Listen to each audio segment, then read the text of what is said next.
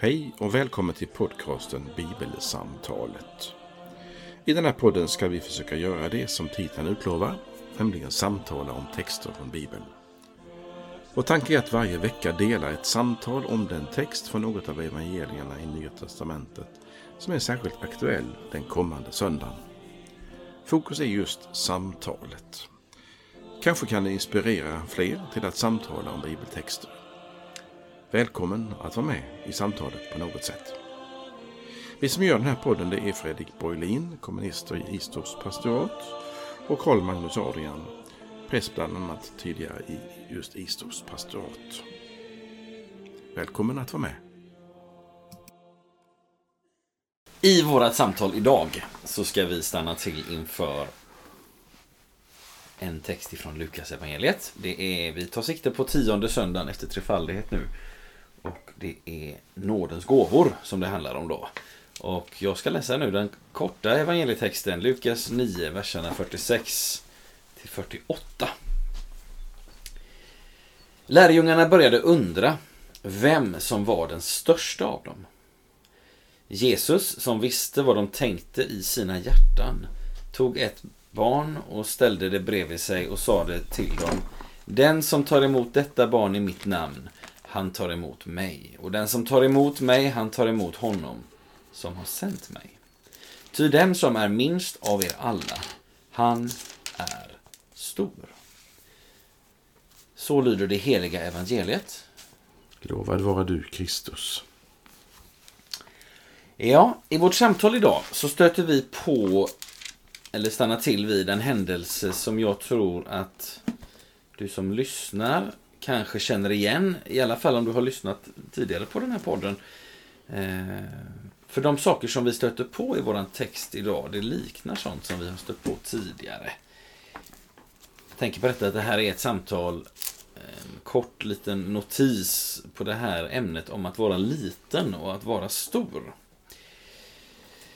I dagens text så befinner vi oss mitt i Lukas evangeliet.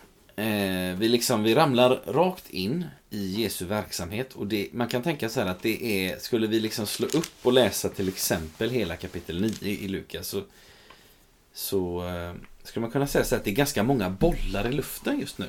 Det var min, det var min, eh, liksom, min tanke som jag fick när jag tittade lite på liksom, det större sammanhanget med själva texten.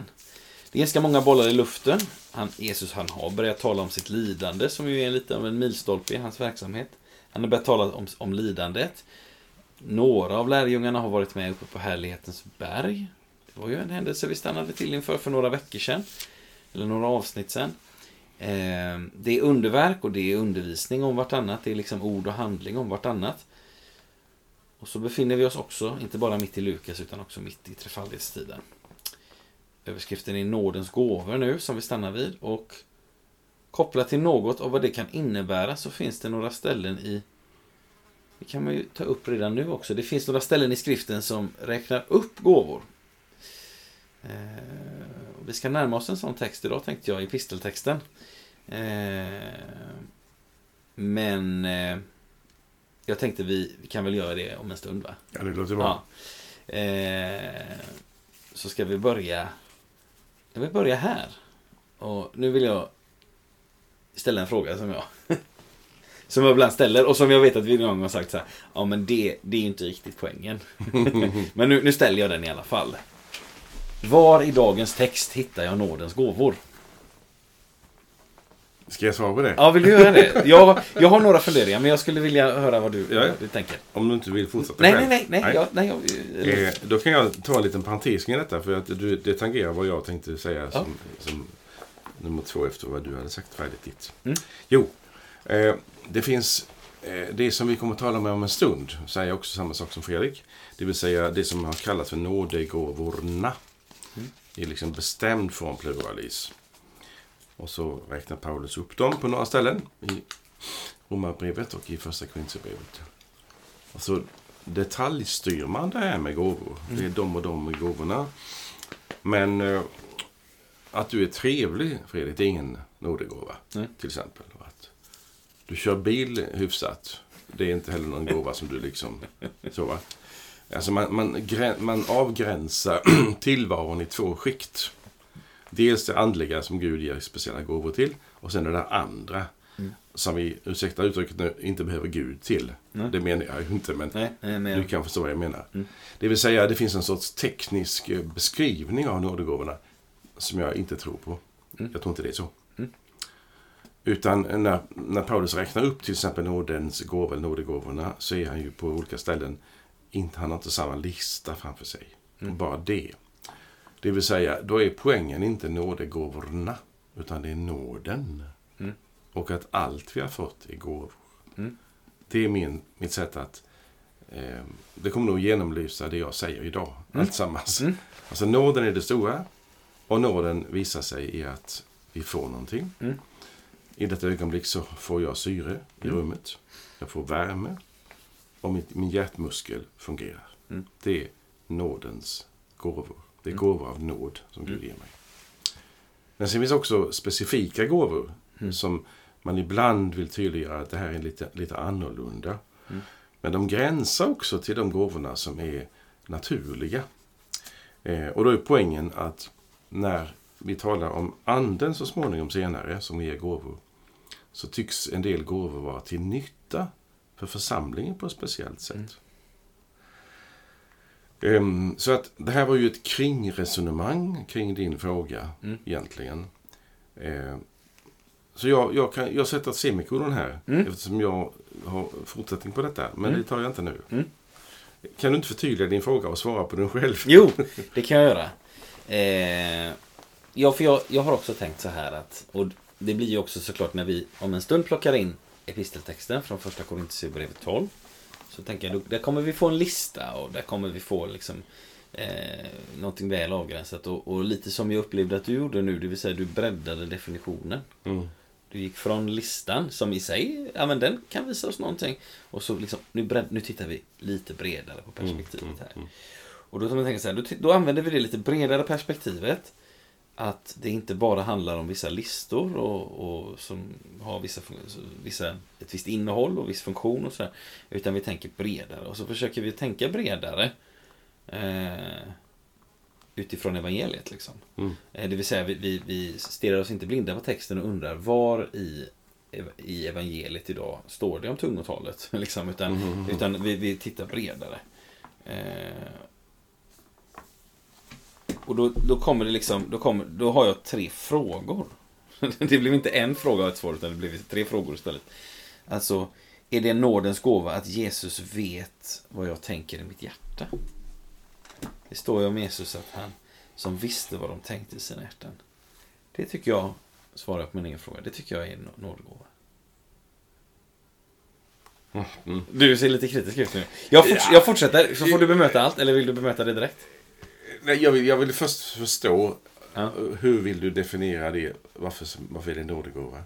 Eh, det är en gåva att det finns någon som vet allt om mig och som ändå älskar mig.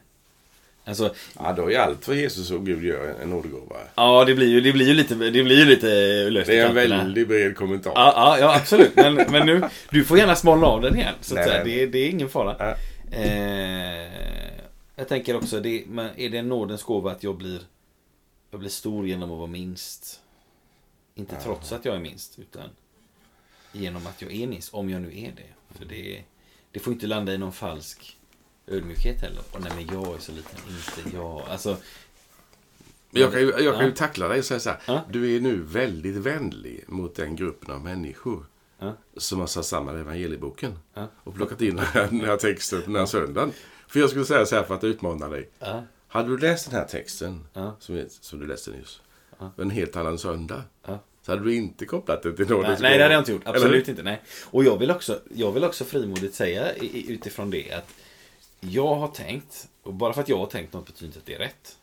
Men om, om, man till exempel, om man till exempel gjorde så här, jag tänker på den som lyssnar nu, eller vi tänker på oss när vi...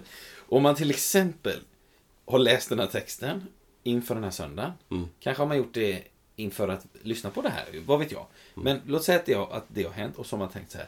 Hur i hela friden hänger detta samman? Alltså förstår du vad jag menar? Eh, Mm. Då är man ju också bland vänner, skulle jag säga. För den tanken har jag också tänkt. Utan, men jag vill, ändå, jag vill ändå på något sätt försöka närma mig texten. Jag är ju skeptisk som du vet i det här med Ja. att man ska liksom Ja. tvinga in texterna under en rubrik. Mm. Ibland är det självklart. Ja. Men när det inte är det så, strunt samma. Ja. Men du får gärna driva detta för Ja. min skull. Det, Mm, för mig, det gör ju ingenting. Jag tycker bara att det är... Nej, det är inte poängen alls. Men det är roligt, för du, är- du, du är bra på det här med liksom att få in saker och ting i texterna som, som inte står där. Det, det, det, det skulle kunna vara mycket skarp kritik också. Ja, men du, du ser ju liksom litteraturmässigt, du, du har ju ett öga för, för språket, för texten och så. Och det menar jag att det här är ju en, en, en gåva som du har fått, som också är ett problem ibland. Mm. Därför då, Absolut. då tvingar man ju saker och ting in Ja, i sammanhanget. Eh, och jag, lika väl, du vet att det finns ju rubriker i Bibeln, i biblarna, det. till alla avsnitt och sådär. Mm. Och det finns ju överskrifter till vissa kapitel i gamla bibelöversättningar. Mm. Och så. Det, är, det är ju eh, vällovligt, tycker jag. Mm. Men eh, det är ju sek- sekundära informationer som vi får. Mm. Utan det är ju texten. Mm. Och den är ju från början producerad utan mellanrum mellan bokstäverna, utan mellanrum mellan orden och utan kapitel och vers. Mm. Så det är liksom en väldigt eh, annorlunda text vi egentligen har mött från början. Mm. Och så kommer vi som är sentida och har massa redskap och, begre- och för att liksom greppa tag i de här texterna. Ja. Och det, tycker jag, det menar jag, där tycker jag att du är, du är duktig på det. Och då menar jag att ibland så kanske det blir för bra. Nej men det- absolut, man ska, man ska vara varsam där. Och skulle man ta ett som jag själv tycker är ett jättebra exempel. Det är ju den här liknelsen om den förlorade sonen. Jaha. För att det, det finns ju någonting i den berättelsen att båda sönerna är förlorade. Ja, det var. I någon mån. Alltså, och då tänker vi så här. Det är så lätt att komma till den. Och jag tänker att det är så lätt att komma till exempel till den texten och tänka att ja, just det, det är han som är förlorad. Men han, han är ju hemma och, ja, liksom, och den andra sonen. Och så Mm. här. så att, det, är, det är ett bra exempel på där, där en rubrik som inte är felaktig på något sätt, men den styr vad vi uppfattar. Mm. Och fadern är ju förlorad i sin kärlek. Ja. Det finns ju tre som är förlorade. Ja. Det är bra. Och sen så, eh, vi behöver inte stanna till vid mina frågor mer. Eh, Ja, men varför inte då? eller, eller vill du säga något mer om det? Nej, jag vill höra eh, om du hade något mer svar på din fråga. Nej, det, det hade jag nog egentligen inte. Det var mer, det var mer en, en jakt på, på vad, vad, vad ligger Guds gåva till mig i den här texten? Eh, Den har inget, det, har inget, liksom, det finns inget definitivt svar på den frågan. Nej. Men, men eh, jag, jag skulle för egen del säga att Jesus som visste vad de tänkte i sina hjärtan, det tycker jag det är, det är fint. Då kan jag ta något som jag tycker inte är fint. Nej? Jesus, lärjungarna började undra vem som var den, största av dem. Mm. Det har vi ju haft uppe tidigare. Ja. Och Lukas har detta åtminstone på två ställen. Mm. Här har han det nu och sen har han det ju i, efter eh, påskmåltiden, alltså nattvardsfirandet. Mm. Så det, det blir Jakob och Johannes som Mm. frågar vem som är störst och bäst. Och så. Mm. Eh, så, så det är ju intressant att, att han har med det. Är det mer än två gånger?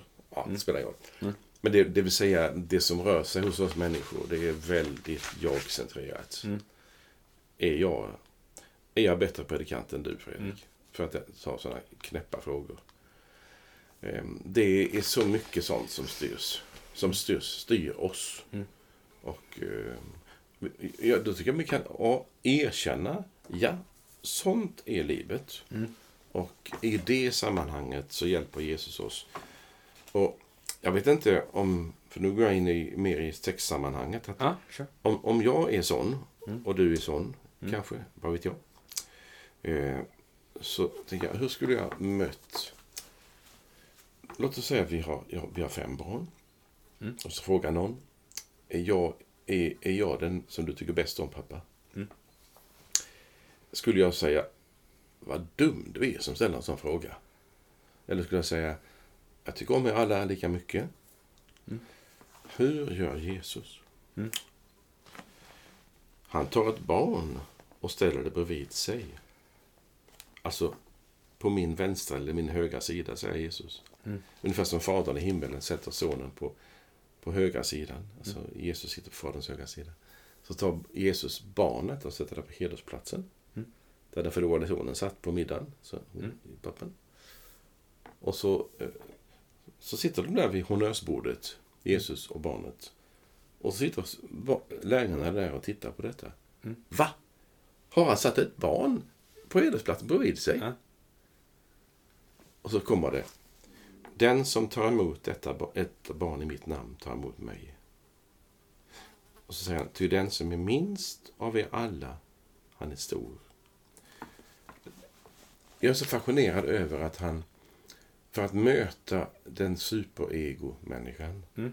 som bara har ett för, i, i sikte. Jag vill bli sedd och bekräftad och älskad Mm. eller fruktad. Mm.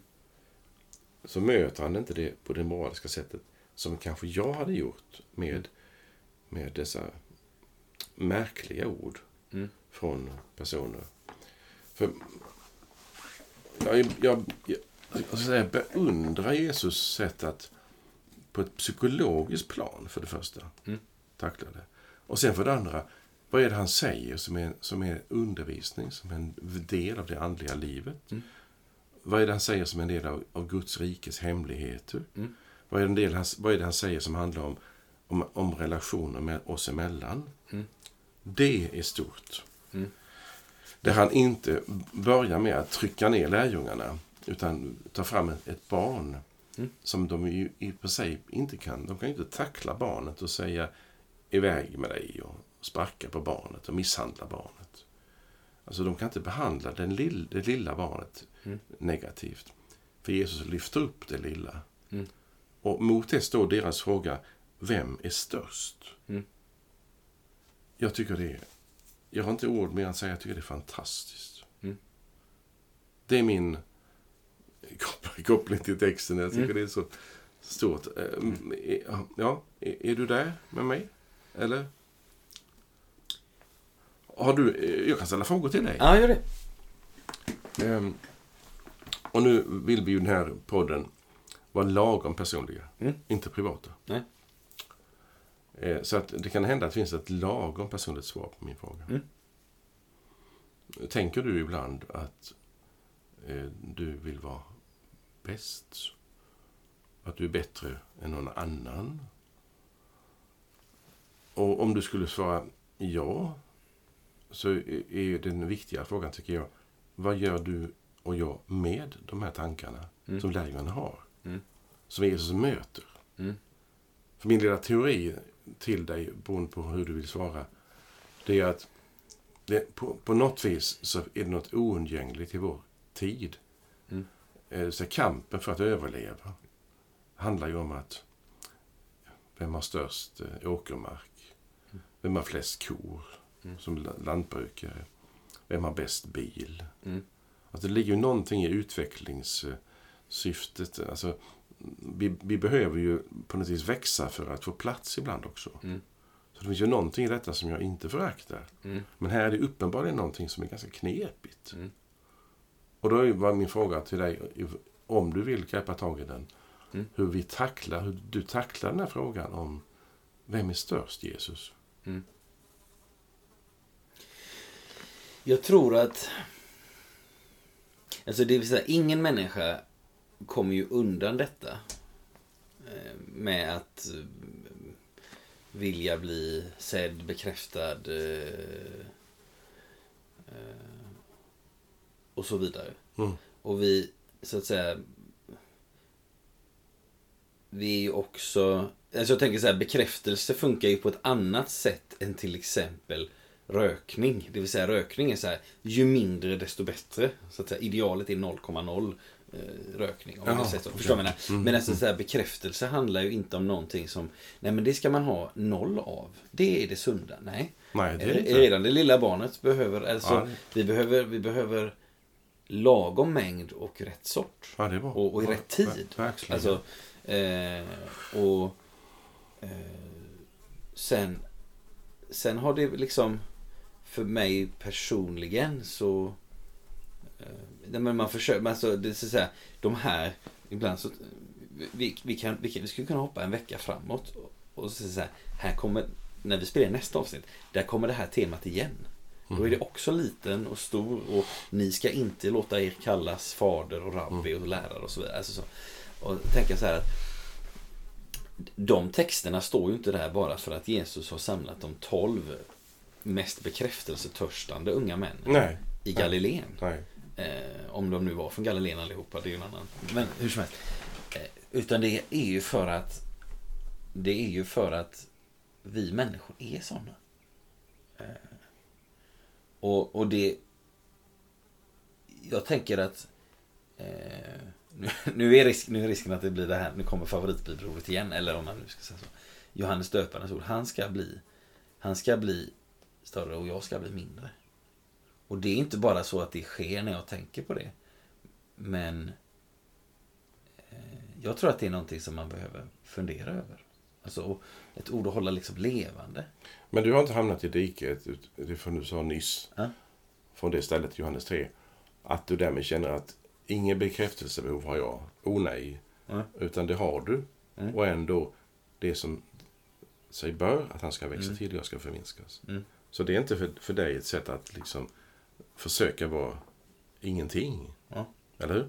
Nej. Så tolkar jag det ju inte. Nej. Nej, jag, jag tycker det är intressant om jag får greppa tag i frågan också. Ja, gärna. För du sitter du har inte något på läpparna ser jag precis. Nej, om det. nej. Ehm, så undrar jag, vad är det som händer? Och det är, det är min nästa fråga till oss. Eh, vad är det som händer när barnet kommer in i sammanhanget? Mm. Och nu vet vi inte hur gammal barnet är, det spelar ingen roll heller, men barnet som sådant gör ju någonting med oss. Mm. Det är alldeles uppenbart. Eh, det finns ju... Ja, jag ska inte ta några, några exempel, men tänk på, tänk på människor som, som är besvärliga, som kanske till och med är elaka. Om man tycker det om någon, eller om man tycker att någon är riktigt eh, ja, hemsk. Så kan man se att den människan kan vara otroligt älskvärd mot barn. Mm. Alltså barnen öppnar upp någonting. Mm. Och då är det ju någonting också som att när vi ska bli som barn för att komma Mm. in i Guds rike. Mm. Ur Markus 10 eller någonting sånt. Mm. Eh, Alltså barnet har en, finns med i Jesu undervisning vid flera tillfällen. Mm.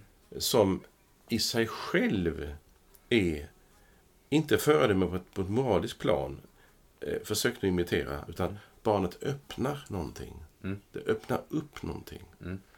Ehm, jag, tror, jag tror det är liknande med för oss som antingen är hundmänniskor eller kattmänniskor. Mm.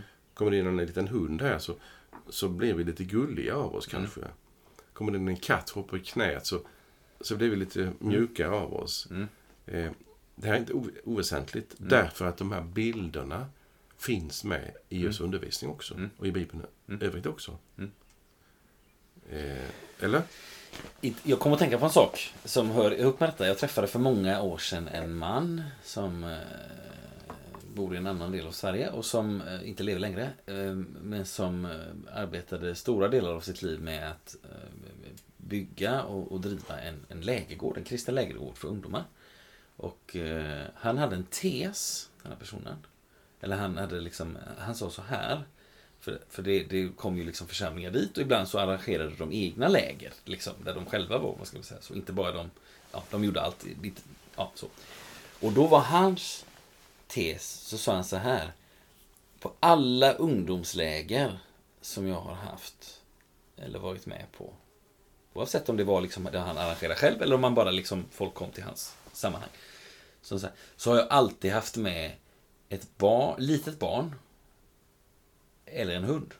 Oh, För det gör någonting med, med ungdomar. Mm. Eller det gör någonting med människor. mm, gör det. Eh, och det är... Det har jag tänkt på ibland. Och jag kan ju inte säga nej, så är det inte.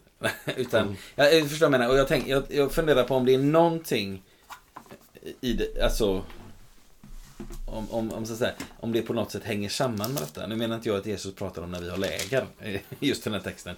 Men, men som du säger att det öppnar upp någonting.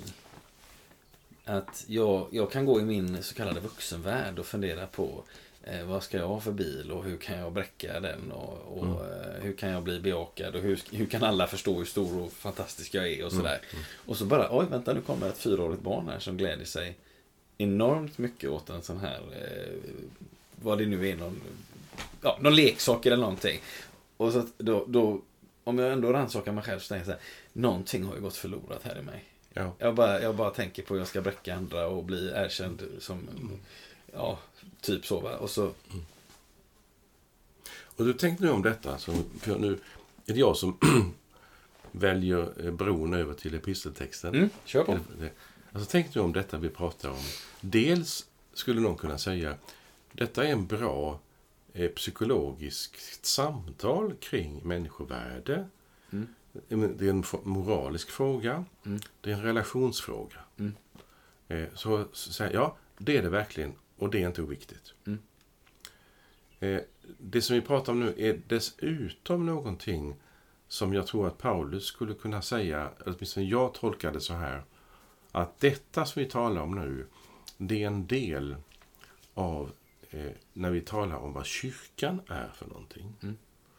Alltså kyrkan med stort K, som då betecknar inte vår svenskkyrkliga miljö, Mm. eller någon frikyrklig miljö, eller någon ortodox miljö, Mm. utan det representerar kyrkan överallt, i alla tider. Mm. tider. Eh, är det något som kännetecknar kyrkan Mm. i det sammanhanget?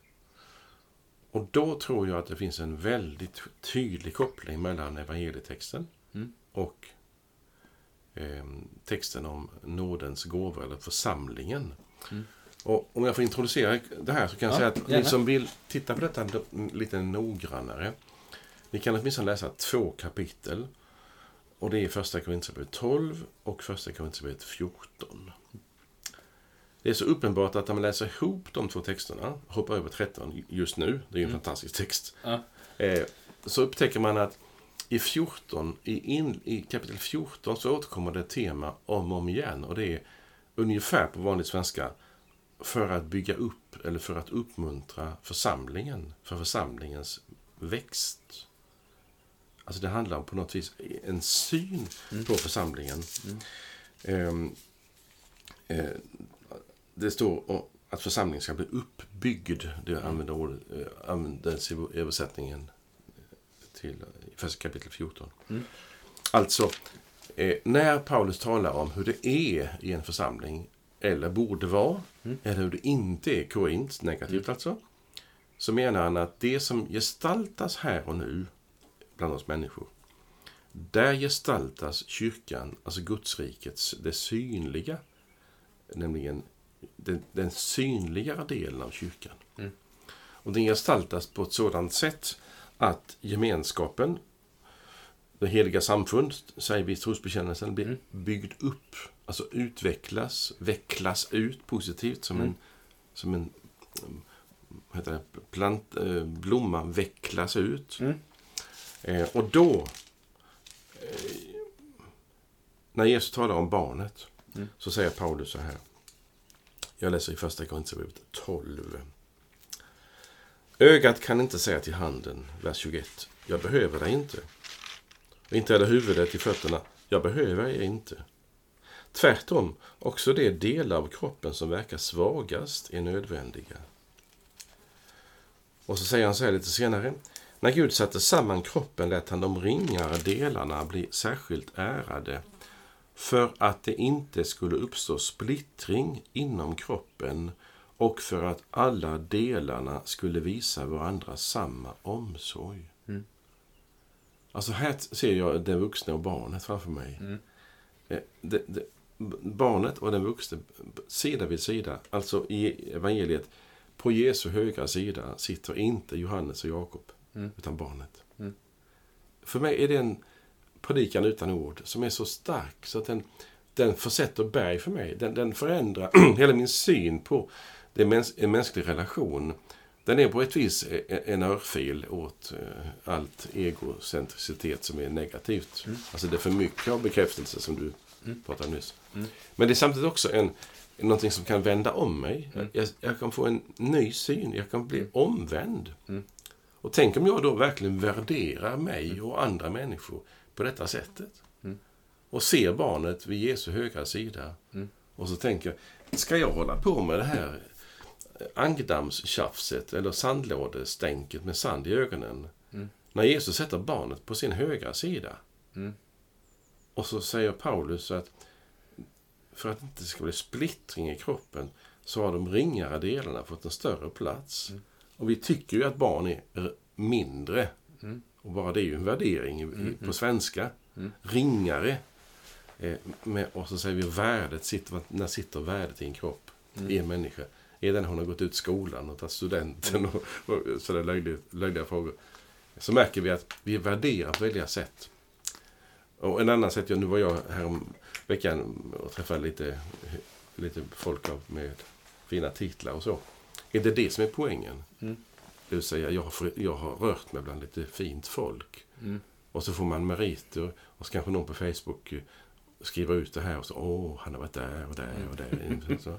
Alltså, det, det det är ju vår värld. Ja, det är det bara. Och, och jag säger inte att vi kan, ska inte ha det så. Nej. Utan mitt i detta kan vi få Jesu ögon Mm. och Jesu blick Mm. för vad som är poängen. Mm. Det var en lång, lång grej, men Ja. ja, Vill du att vi leder över detta i och läser episteltexten? läs som, gör som Ja. du vill. Och då, eh, då ska vi... eh, Det Carl Magnus läste var inte en del av episteltexten, men nu ska jag läsa den här. Också den från första Korinthierbrevet 12. Eh, Så ser vi vad vi hakar i här. Nådegåvorna är olika, men anden densamma. Tjänsterna är olika, men Herren densamme. Verksamheterna är olika, men Gud är densamme, han som verkar i allt och överallt. Hos var och en framträder anden så att den blir till nytta. Den ene får genom anden gåvan att meddela vishet. Den andra kan med samma andes hjälp meddela kunskap. En får tron genom anden, en annan genom samma ande gåvan att bota. En annan får kraft att göra under. En får förmågan att tala profetiskt, en annan att skilja mellan olika andar. En kan tala olika slags tungomål, en annan kan tolka tungotal. Allt, åstadkom, allt detta åstadkommer en och samma ande genom att fördela sina gåvor på var och en, så som den själv vill. Så lyder Herrens ord. Gud, vi tackar dig.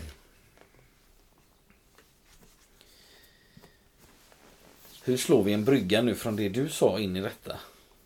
Hade du någon tanke? Ja, alltså, den lätta bron är att jag har gjort eh, brofästet tydligt, tycker jag. Ja, ja. Barnet i evangeliet till när Paulus säger "I- ingen splittring i kroppen. Nej. Alltså det som vi tycker är ringare delar, Mm. det har fått en stor högre plats i kroppen. Jesus, vid Jesus sida sitter barnet. Mm. Det, jag, det jag citerade, det är en fortsättning på den texten som du började med. Mm. Alltså när nu anden utrustar församlingen Mm. Så ger han olika gåvor. Mm. Och de här gåvorna, de, de syns ju och klingar ju olika. Mm. Till exempel det du slutade med, eller nästan slutade med. Tänk om du har fått gåvan att bota sjuka. Mm. Då skulle man säga, åh, Fredrik kan lägga sin hand på folk och så blir de friska. Mm. En sån gåva han har. Men jag har bara fått gåvan att trösta. Mm. Och så kommer jämförelsen. Mm. Där är vi inne i samma problem igen. Mm. Men då, säger då läste du så fint att anden har gjort detta i något sammanhang Mm. eh, för att det ska vara till nytta eller uppbyggd. Mm. Och det här med nyttan kommer också in lite senare i andens eh, gåvor. Alltså för att bygga upp hela Mm. kroppen. Mm. Och då det handlar det om oss. Mm. Vi är ju medlemmar, alltså lemmar Mm. med andra. Och jag tänker det här, nu har vi den här listan, eller vad vi ska, uppräkningen på olika gåvor. Och eh, då är det så viktigt att vi försöker att tänka bort detta med eh, sandlådan eller eh, titta på mig, eh, vad jag kan och, och så vidare. Eh, det här är inte belöningar för eh, utan det här är liksom det som anden ger. Så, så, som, den själv, så som han själv vill. Och också så att det blir till nytta.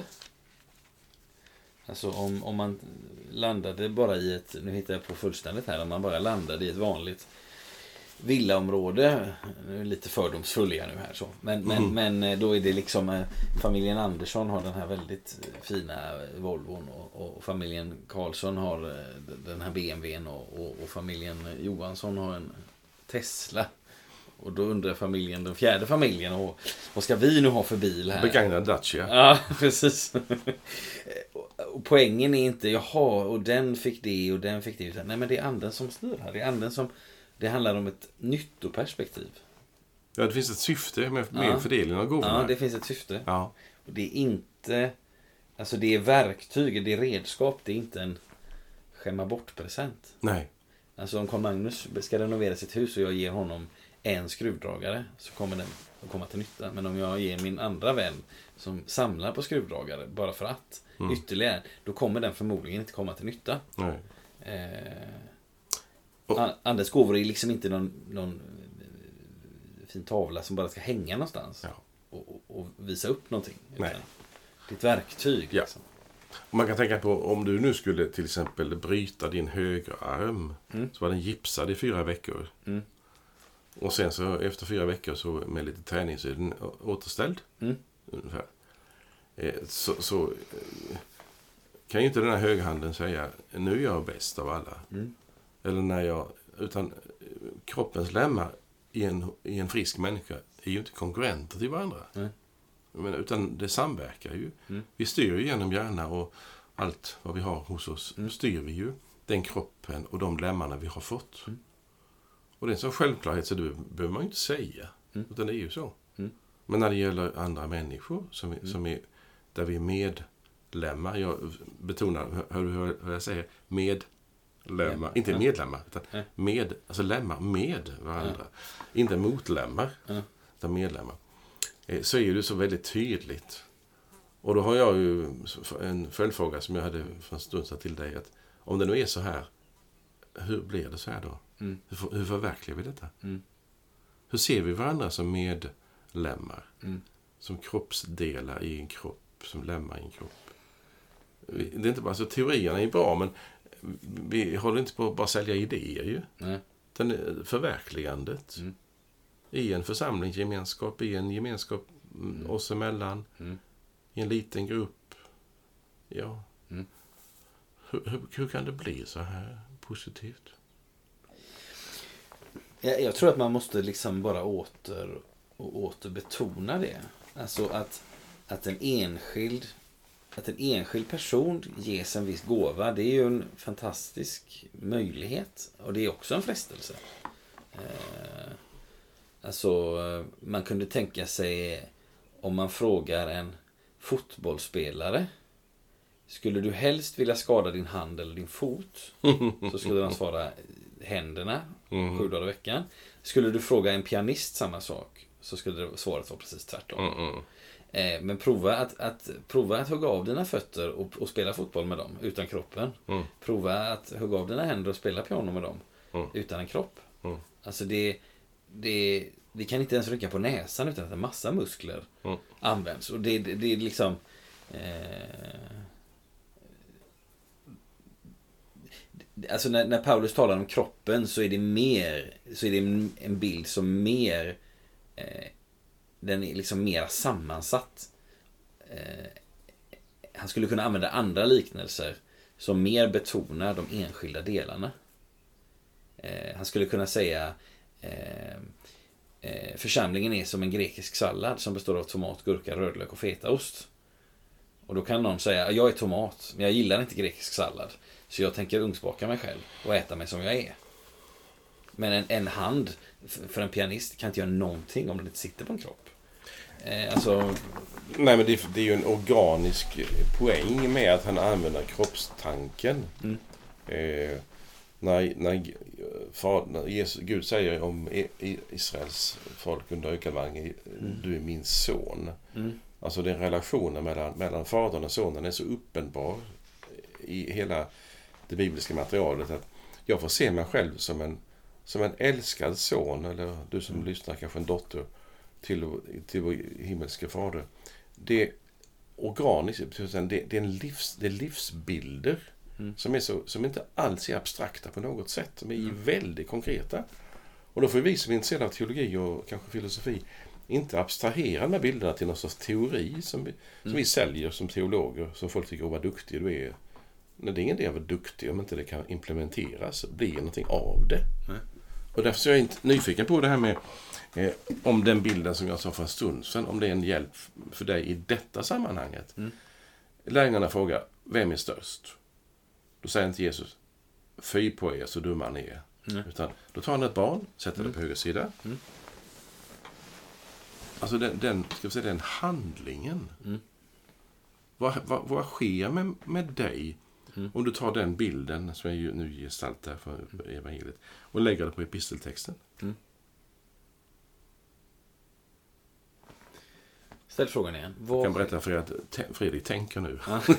Ställ frågan igen till. Jo, eh, när du tar de här speciella gåvorna, till exempel att bota Mm. eller att eh, tala profetiskt eller någonting sånt, som är ju speciella gåvor verkligen. Mm, Det är inte va- varje som har det, Nej. absolut inte. Eh, så sa du eller jag nyss att det finns ju en rivalitet Mm. också i de här sammanhangen. Mm. Och därför som Paulus måste fortsätta i kapitel 12 i första Korinthierbrevet som jag började med. Att de, små, de mindre delarna har fått en större plats för att motverka splittring. Mm. Alltså så fort han talar om nådegåvorna så går han över till splittringsproblemet. Mm. För även där spökar de. Mm. Alltså i kyrkan på söndag, i gemenskapen med bibelstudiegruppen. Det är där som är problemet. Mm. Och inte bara när vi, när vi står i kö inför någon, i någon affär och ska handla någonting. Nej. Utan var där människor är, där kommer det upp det här problemet. så att säga. Mm. Vem är störst? Mm. Och då tar Jesus barnets att bevisa sig. Mm. Och då undrar jag, den här bilden med barnet till lärjungarnas konstiga fråga. Mm. Vad händer den? Vad bidrar den bilden med? Mm. När det tal- handlar om nådegåvorna och synen på kroppen, Kristi kropp. Försök till svar då. Eh, Jag tror inte jag vet svaret. Nej. Nej, nu blir jag ännu Jag, mindre jag, jag, att förs- jag försöker ju. Ehm, så vi har, vi har försökt att placera in det här med gåvorna, de olika gåvorna i någon slags kontext av att vi människor vi konkurrerar med varandra. Bilar eller... Uppenbarligen är det lätt till. Ja, det är lätt till. Ja, ja, precis. Och, och Jesus är ju på detta hela tiden med stor och liten. ja. Och, och jag tänker att våran, våran strävan som människor, som inte alltid är felaktig, men som ibland kör i det diket att vi tänker jag ska ha mer än den och folk förstår inte min storhet och så vidare. Eh, den strävar alltid framåt Mhm. mot, nå- mot ett ibland väldigt diffust mål av då ska jag vara lycklig.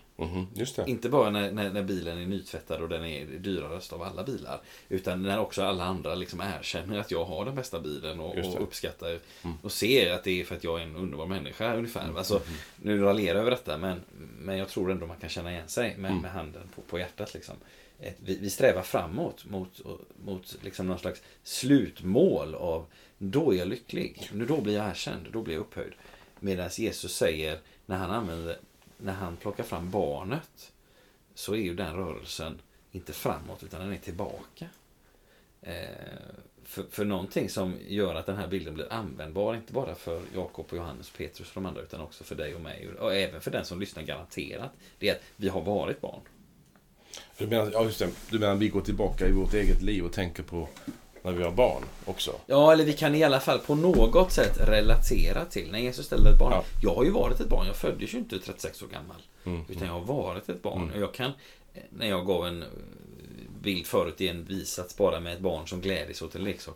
Jag har ju själv varit där. Just det. Varför glädjer jag mig inte på samma sätt Mm, åt, eh, åt det ena eller det andra? Eller sådär. just det. Eh, alltså att det är inte en rörelse framåt, uppåt, mer, eh, mer bekräftelse, mer saker, mer grejer. Utan en rörelse tillbaka. Hallå, ni har varit barn, någonting har gått förlorat. Ska, Jesus säger ju någon gång, om ni inte omvänder er och blir som barn. Mm. Det vill säga, det är inte bara någon slags moralisk skärpning. Eh, utan omvänder er och blir som barn. Men, men kan det vara så här, tror du, att, att i den bästa av världar, som ju knappast finns, Mm. Så kan eh, barn i en familj eh, uppleva sig som älskade. Mm. Och just nu tänker jag så, att det är möjligt. Mm. Vi vet att det finns många undantag. Mm. Eh, och om jag vet att jag är älskad Mm. så kan jag också frimodigt säga till den andra syskonet, vad bra gjort av dig. Mm. Och då kan mamma eller pappa säga till ett av syskon, det var fint idag av dig. Mm. Och då sitter inte alla de andra och, och blir galna och irriterade Mm. för, för, för detta berömmet. Alltså det finns ju någonting i gemenskapen som förutsätts för att det ska fungera. Mm. Och jag finner inget annat ord än kärleken. Nej. Och är om jag får ta emot den gudomliga kärleken, Mm. som ju är omvittnad i alla, överallt i skrifterna, att det, det är liksom Gud är kärleken, så finns i det sammanhanget någonting som, som ändå är stämplad på pannan hos dig, på dig och mig. Mm. Du är skapad, du är älskad, du är försonad. Mm. Och så är det någonting mer. Och, och det, är att, det är att få lita på det, få tro på det. Det är den tron som kan förändra mig. Medan den moraliska pekpinnen kan bara för stunden. Mm. Jag tänker sådana skräckexempel som jag tror ändå är realistiska.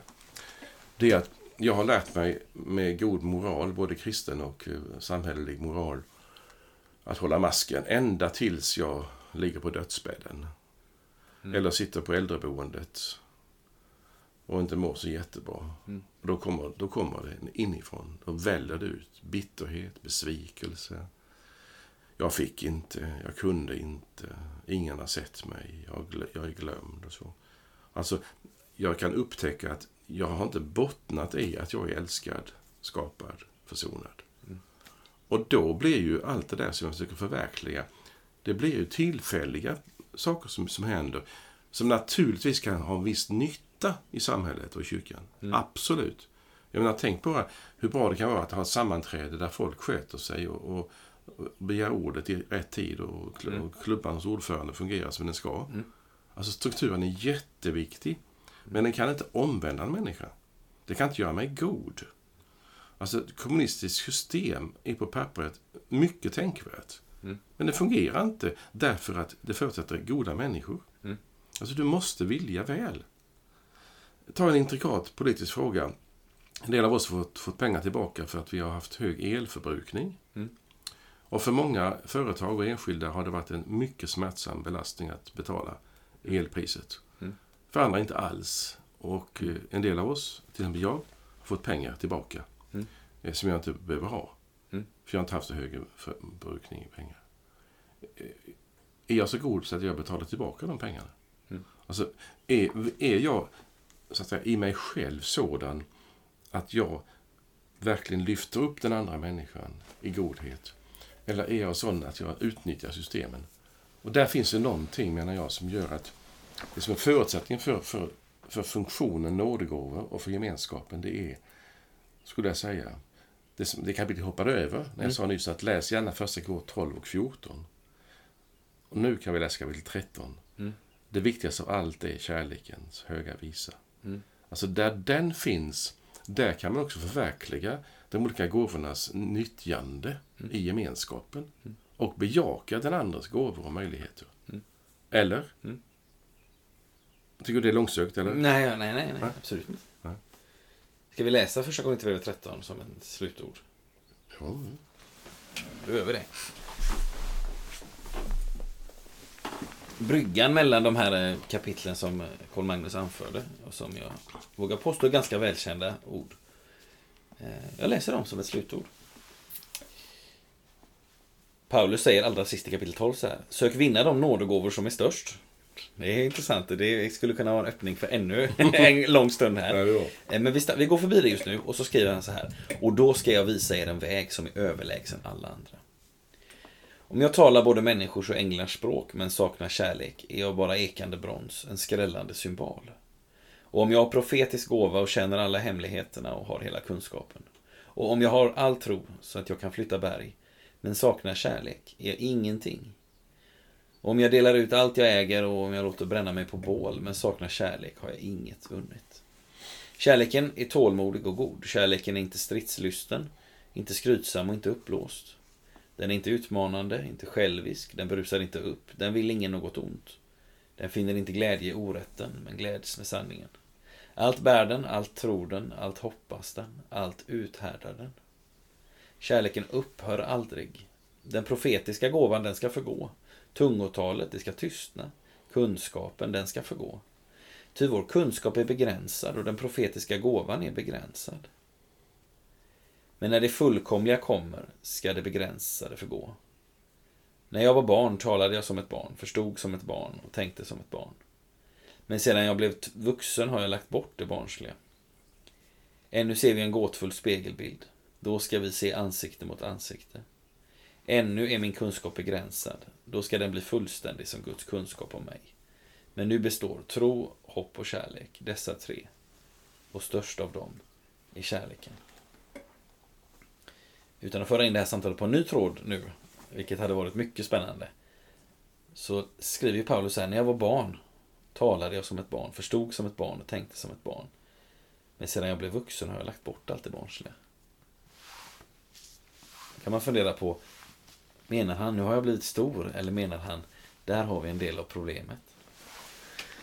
Det Kan var en riktig cliffhanger. Det var en riktig cliffhanger och jag, jag har inget svar på den frågan men jag tycker den är värd att väcka. Så här.